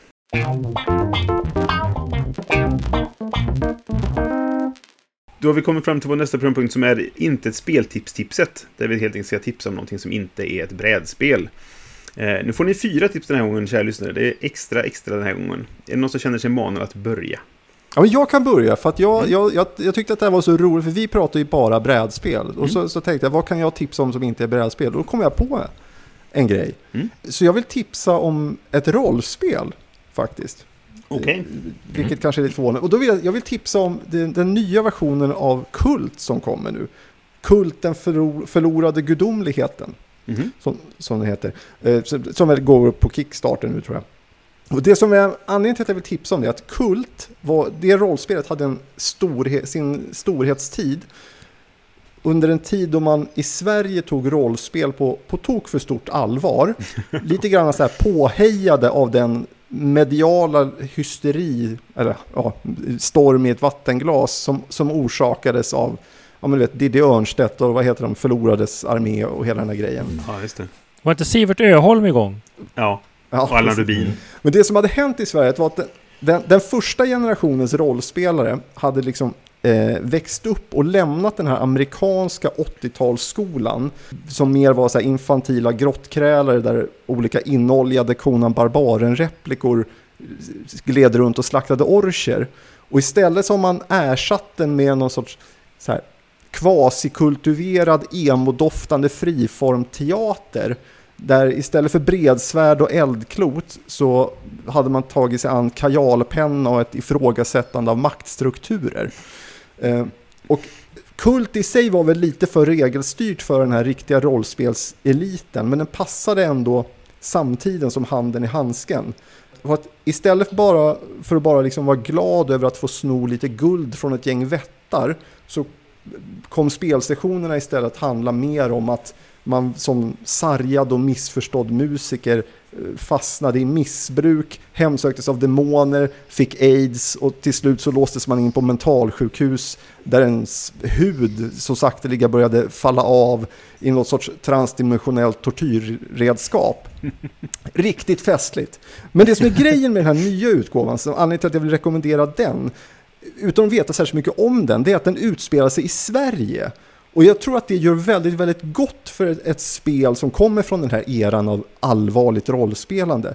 För hur allvarlig man än försöker vara i sitt eh, spelande av kult så kommer man inte ifrån att det utspelar sig i Sverige. Och då, man kan tänka sig då att en andrahands två i Bandhagen i november är ett ganska bra ställe att sitta och skjuta heroin på tillsammans med ett gäng nefariter. Men det är samtidigt det land som har gett oss Böda camping och Solstollarna. Och, och har man det i beaktning så, så Alltså det är lite grann som med, med MUTANT, alltså den här undergångens arvtagare. Du kan försöka spela världens mest eh, ondskefulla varelse. Är du en muterad höna med fäbless för avsågat hagelgevär så blir det tramsigt automatiskt. Och jag tror att det mm. gör Kult väldigt gott. Så därför vill jag rekommendera spela Kult i Sverige. Okej. Okay. Ja, coolt. Mycket bra. Intressant. Ja. Johan, vill du hoppa emellan så ja. tar vi... Eh, ja, jag, jag kan emellan. Jag, jag har inte en lika passionerad utläggning om mitt tips, eh, men ändå.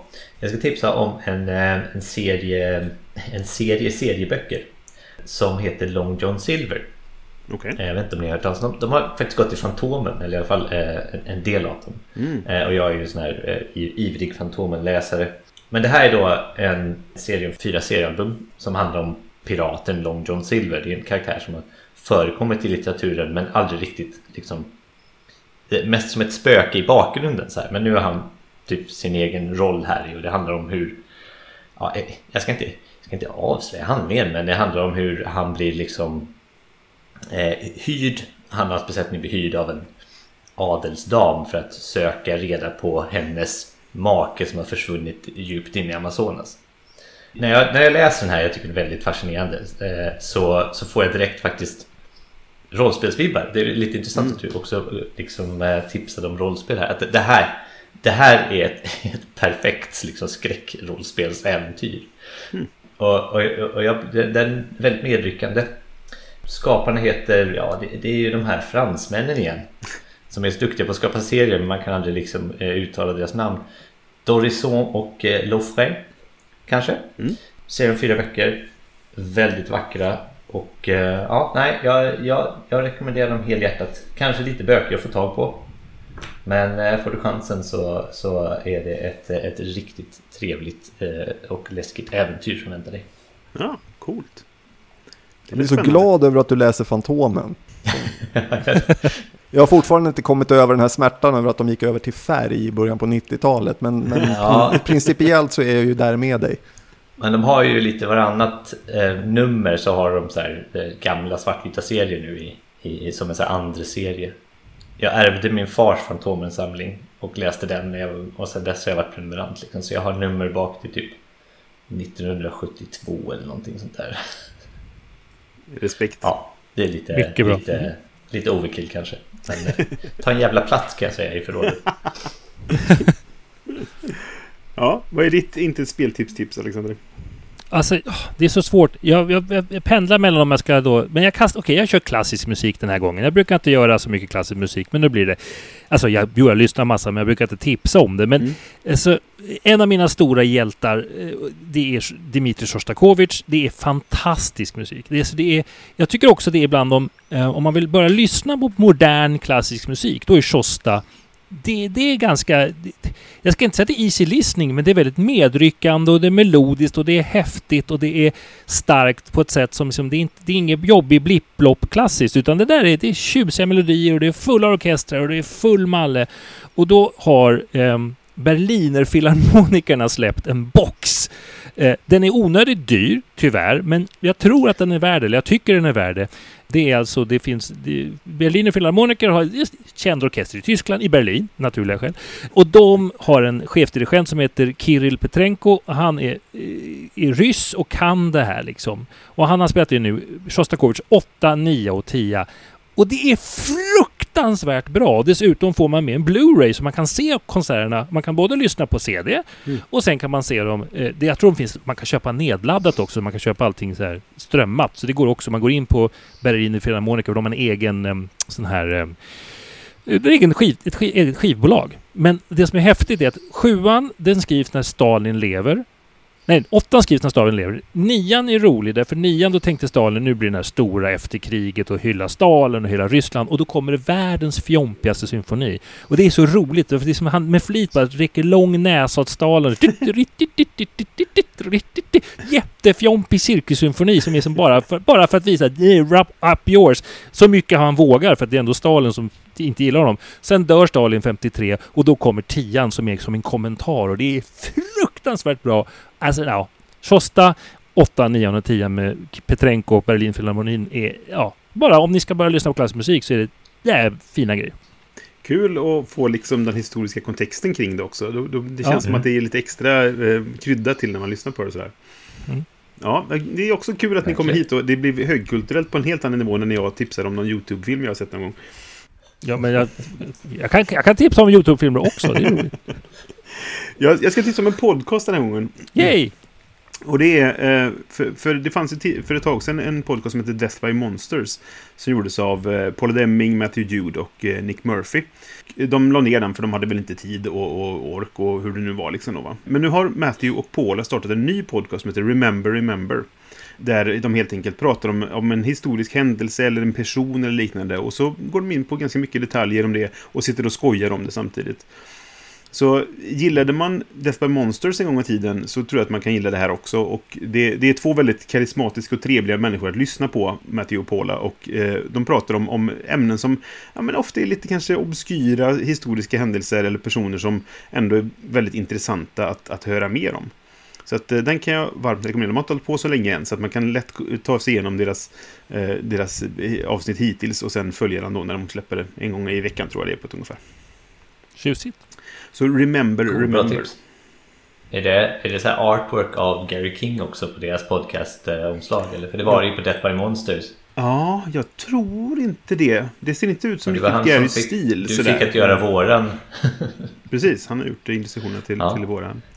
Eh, Nej, vår men det är kul. Death by Monsters var ju väldigt, väldigt bra, Mm. tyckte jag. Särskilt när de började gräva. Det var ju inte så långt ifrån deras så här, monstertema till ren, liksom, ren, rent historiska händelser. oftast. Nej, men precis. Eh, För det, det är ju lite så som det här att känns stilen lite kanske som en mindre... förlängning. Ja, precis. Ja, nej, men det, det, Ja. det låter, låter kul. Mycket bra. Okej, vi går vidare till vår sista programpunkt.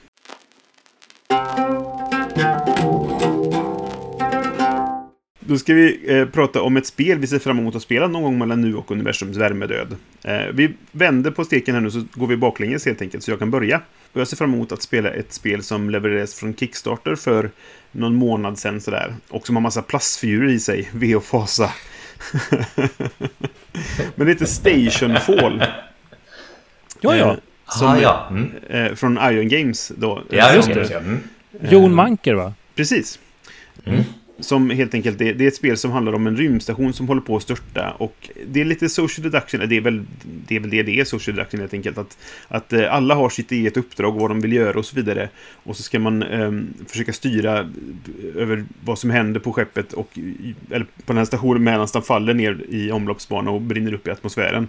Och helt enkelt hinna göra det man ska göra före det händer helt enkelt jag, jag tyckte att konceptet var så intressant när jag, så jag var tvungen att kickstarta detta. Och nu har jag fått det och så ställde jag in det i hyllan och så har det stått där. Men det ser jag fram emot att, att få fram vid tillfälle. För att jag gillar idén på det här. Ja, det är ju inte realtidsgrej eftersom det gillar jag inte. Men, men just att, att eh, den tickande klockan av att snart så, så kraschar det hela skiten och vi måste lösa jag måste lösa mitt problem före dess helt enkelt. Annars så, så förlorar jag. Eh, och sen tror jag det är ett moment av att man inte riktigt vet vems karaktär som är vilken, just den sociala eh, deduktionsbiten då. Att, att eh, jag kan styra vilken figur jag vill och ska försöka då kanske bluffa vad det är jag håller på att göra egentligen. Så det verkar spännande tycker jag. Stationfall. Jag blev så lurad för det finns ett Station 4 som gavs ut 2013 också så jag tänkte att oj nu har. Brisse grävt. Men det, det, de, det var ett helt annat spel. Och jag blir ännu mer lurad för jag är så gammal så jag kommer ihåg gamla Interactive Fiction-företaget Infocom som gjorde textäventyr till datorerna. Det. Och då fanns det Ja. två spel, Planetfall och sen fortsättningen Stationfall. Ah. Som var ett väldigt... Man Jaha. skulle lösa gåtor på en rymdstation med hjälp av Floyd, roboten Okej. Floyd. Stationfall av Steve Meretzky på Infocom. Då är det länge sedan, nu pratar vi 80-tal. Ja. Nice. Ja, det känns... Ja. Mhm. ja. Mm. Vad vad kul att det fanns... eh, eh, Att det, det liksom väckte så många. ja. Ja, att det fanns så mycket olika varianter på det. Mm. Ja. Ja. Alexander, vad ser du fram emot att spela? Eh, Jag ser fram emot att spela ett spel som inte har kommit än, men som, som jag har, vad heter det, P500 på, på GMT. Just det. Och det är nämligen Ed Beaches Border Reavers. Okej. Ed Beach är kanske mest känd för Here I Stand. det här om... eh, Det, det har fortfarande det är också ett spel jag ser fram emot att spela fast jag inte har spelat det som jag har kvar för det är så fruktansvärt stört att man gör ett spel om under reformationskrigen och som håller på i 12 timmar. Men det, det är under... Och att ha en liten tabell för hur många barn eh, Henrik den åttonde får. Det, det, det är fint det typ är på den andra skolan. Men, eh, då är det så här att eh, Ed Beach är ett spel som handlar om eh, gränskonflikterna mellan Skottland och England under typ sent 1500-tal, tidigt 1600-tal. Det och för att de, det var tydligen maffiametoder. De slog ihjäl varandra. Det var, det var engelsmän mot engelsmän, skottar mot skottar och det var the contested lands som låg emellan. Och han köpte en Mm. bok som heter The Steel Bonnets av George MacDonald Fraser. Han är annars mer känd för att ha skrivit Flashman-serierna och böcker om man har sett Flashman. Och också skrivit manuset till Octopussy bara för att vara extremt geekigt här. Okej. Eh, men, ja, och då skrev han en bok om, på riktigt om det här. En historisk skildring av de här ständiga striderna mellan de olika klanerna, såväl brittiska, eller engelska som skotska. Och då har då Ed Beach gjort ett spel om detta som Okej. verkar jättespännande just i galenskap, äh, beror på udda temat. Då. Ja, Mm. spännande. Giovanni? Ja, jo, jag ser fram emot ett spel. Jag, jag fick en tips och det här är lite, lite så här... eh, Lite så här... Jag vet inte vad jag ska säga. Men jag har, jag har en, en kollega som vars kompis har ett spel ute på Kickstarter. Mm, eh, okej. Som jag backade lite av, lite av så här... Ja, supporta. Det här är ju också då han, han har eget förlag och, och, och sådär. Eller han är ju ute under egen flagg. Men det verkar faktiskt vara ett, ett ganska intressant spel också. så därför ser jag fram emot det. Eh, det heter Tall Tales och det är ett eh, trick-taking-spel helt enkelt. Eh, det, jag brukar ju gilla sådana. Eh, Juraku är ett av mina favoritspel till exempel. Och, Vilket åh, är har jag det? inte pratat med Juraku mer? Det måste jag nästan Nej. göra. Det är ett stickspel, misstänker jag. Trick-taking-spel. Ja, lite krig också. Ja. Nej, men stickspel. Stickspel. Trick-taking är stick. Är stick. Ja, Ja, Just det. yes. Mm. Eh, men det här är i alla fall, du har en lek eh, och du har en, eh, en, en marknad framför, framför dig med fyra kort och eh, sen en, en bank med resten av korten så att säga. Och eh, man, när, man, när man spelar ett stick så den som fick högst får välja ett kort från marknaden och den som spelade sist eller den som kom sist får välja ett kort från, från tablån och när man och så väljer man det till, till en hög framför sig och när det är nästa runda i spelet då blir det ens hand. Och så spelar man en runda till och i slutet på den andra rundan då skårar man värdet av alla korten man har på handen. Spelar man lite skitgubbe med andra ord. Ja, det låter lite Jo, men, så jo, men att kanske. man först bygger upp högen och sen så jobbar man med den högen man bygger upp. Ja, precis. Ja, men det är ju inte unikt alls. Men, men det verkar vara en, en, en, ganska, ja, igen kombination då, då av, av olika regler. Men, men ändå mycket så här typ, ja, nu ska jag skåra så då måste jag ta de här korten. Nu ska jag spela den här färgen nästa runda kanske för att jag vill ha den för att kunna göra det här. Eh, Och allt i en, en kortlek. Så det verkar ett lit, litet smart spel liksom, som, som spelas på 45 minuter. Eh, Alltså trick-taking har jag gjort många gånger. Eh, Så jag vet inte hur, ni, hur unikt det blir eh, till slut när det kommer ut. Men i, i och med att det var någon, någon kollega som vurmade för det så tänkte jag jag stöttar det här. Och det verkar ett intressant spel. Och, de ska, och då är det så här lite också så här att ja, de ska bara trycka upp 1000 ex eller någonting. Så Kickstarten kommer att vara det enda de gör för det är så här hobbyprojekt. Så, vilket ju säkert kan komma att ändras om, om det blir skitpopulärt antar jag. No. Men ja, Tall Tales heter det. Det finns på Kickstarter nu. Spännande. Det är alltid kul Mycket med eh, svensk speldesign. Eh, Ja, fast den här kollegan är inte svensk då. Jaha. Eh, Då är det totalt ointressant och vi vill aldrig veta om det. Precis, Nej. får du ta tillbaka allt du sa. Jag hade tydligen missat den. Ja, Björn, vad ser du ut Ja. fram emot att spela? Jo, Jag ser fram emot att spela eh, ett spel från eh, 1997 Mm. som är gjort av Stefan Dorra. Eh, allas vår favoritdorra. Mest känd för Medina, ska vi säga. Ah, han har gjort ett spel som heter Follehytte. Som vi har fått eh, ärva av eh, vår, vår gode vän och Norrlandskollega Adrian. Som har gett det till Jonas som sen har gett det till oss för han tyckte att vi ska spela det för vi är gamla och tyska och bittra. Men det är ett spel som är, man ska driva en klubb. Och då gäller det då att, mm, det är så här ett tile placement spel. Så att antingen ska man placera ut nya saker. Det kan vara så här flipperspel eller bord där folk kan sitta. Så det är den ena Mm. handlingen. Den andra handlingen är att man ska locka dit kunder. Den tredje handlingen är att man då ska ja, skicka ut räkningar, få, få inkomst. Så gäller det att balansera det där på, nå, på något snyggt sätt. Sådär. eh, Tysk eh, Bierstube eh, liknande. Jag, jag vet inte så mycket om hur det funkar. Det ska inte vara jättetungt men det är Stefan Dorra, det är gammalt, det är fult och ja, allt det där som Ja, Allt med- du vill ha. Precis. You had me ett gammalt. Ja. Nej, men det lät ju mysigt. eh, Som ett Ja. mysigt tema. Ja. ja, men jag tror det. Jag tror det kan vara, det kan vara något. Tematiskt påminner det då om Goldbroy. Ja, precis. Absolut. Ja, eller, eller vad heter det? Taverners of Tiefenthal. Tiefenthal. Ja, Ja. precis. Tänkte jag på. Goldbroy av eh, Frans Benno de Long. Det är ett gammalt fint spel. Ja. Man ska ha Bierstube. Jag, Och jag, bygga. jag har en kompis, han köpte det på en Gothcon-auktion för ja, det är säkert 20 år sedan. Och vi har Ja. aldrig spelat det, har bara stått i hans hylla. Så, så det, jag kanske ska be honom att kolla upp det så vi kan spela det nästa gång vi ses. Ja, Spela det- Goldbroy. Det är ett ja, jättebra definitivt. spel. Delägarskap i både bryggerier och ölstugor. Och, ja, nej, det, det är skoj. Kul, fick vi ett extra speltips också.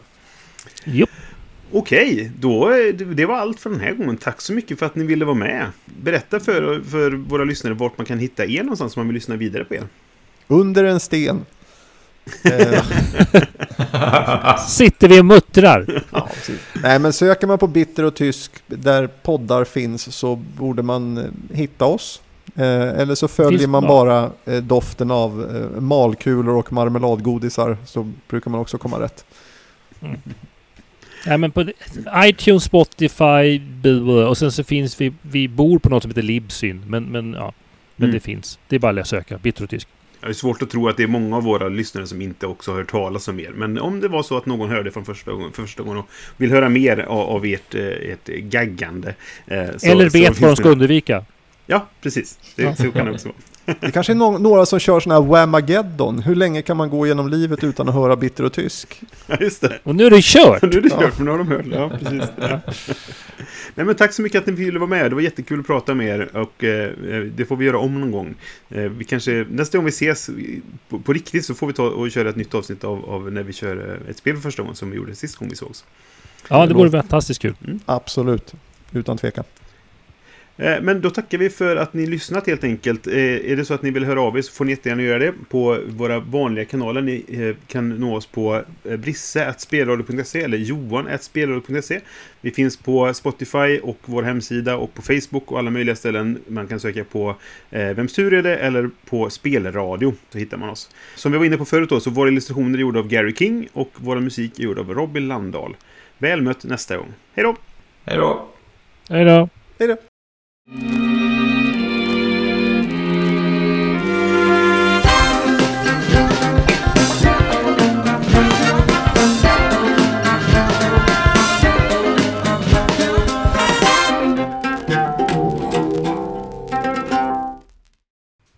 du dra den här, klassiska dåliga vitsen? Eh, Martin Luthers musikaliska syster. Trudy Luther.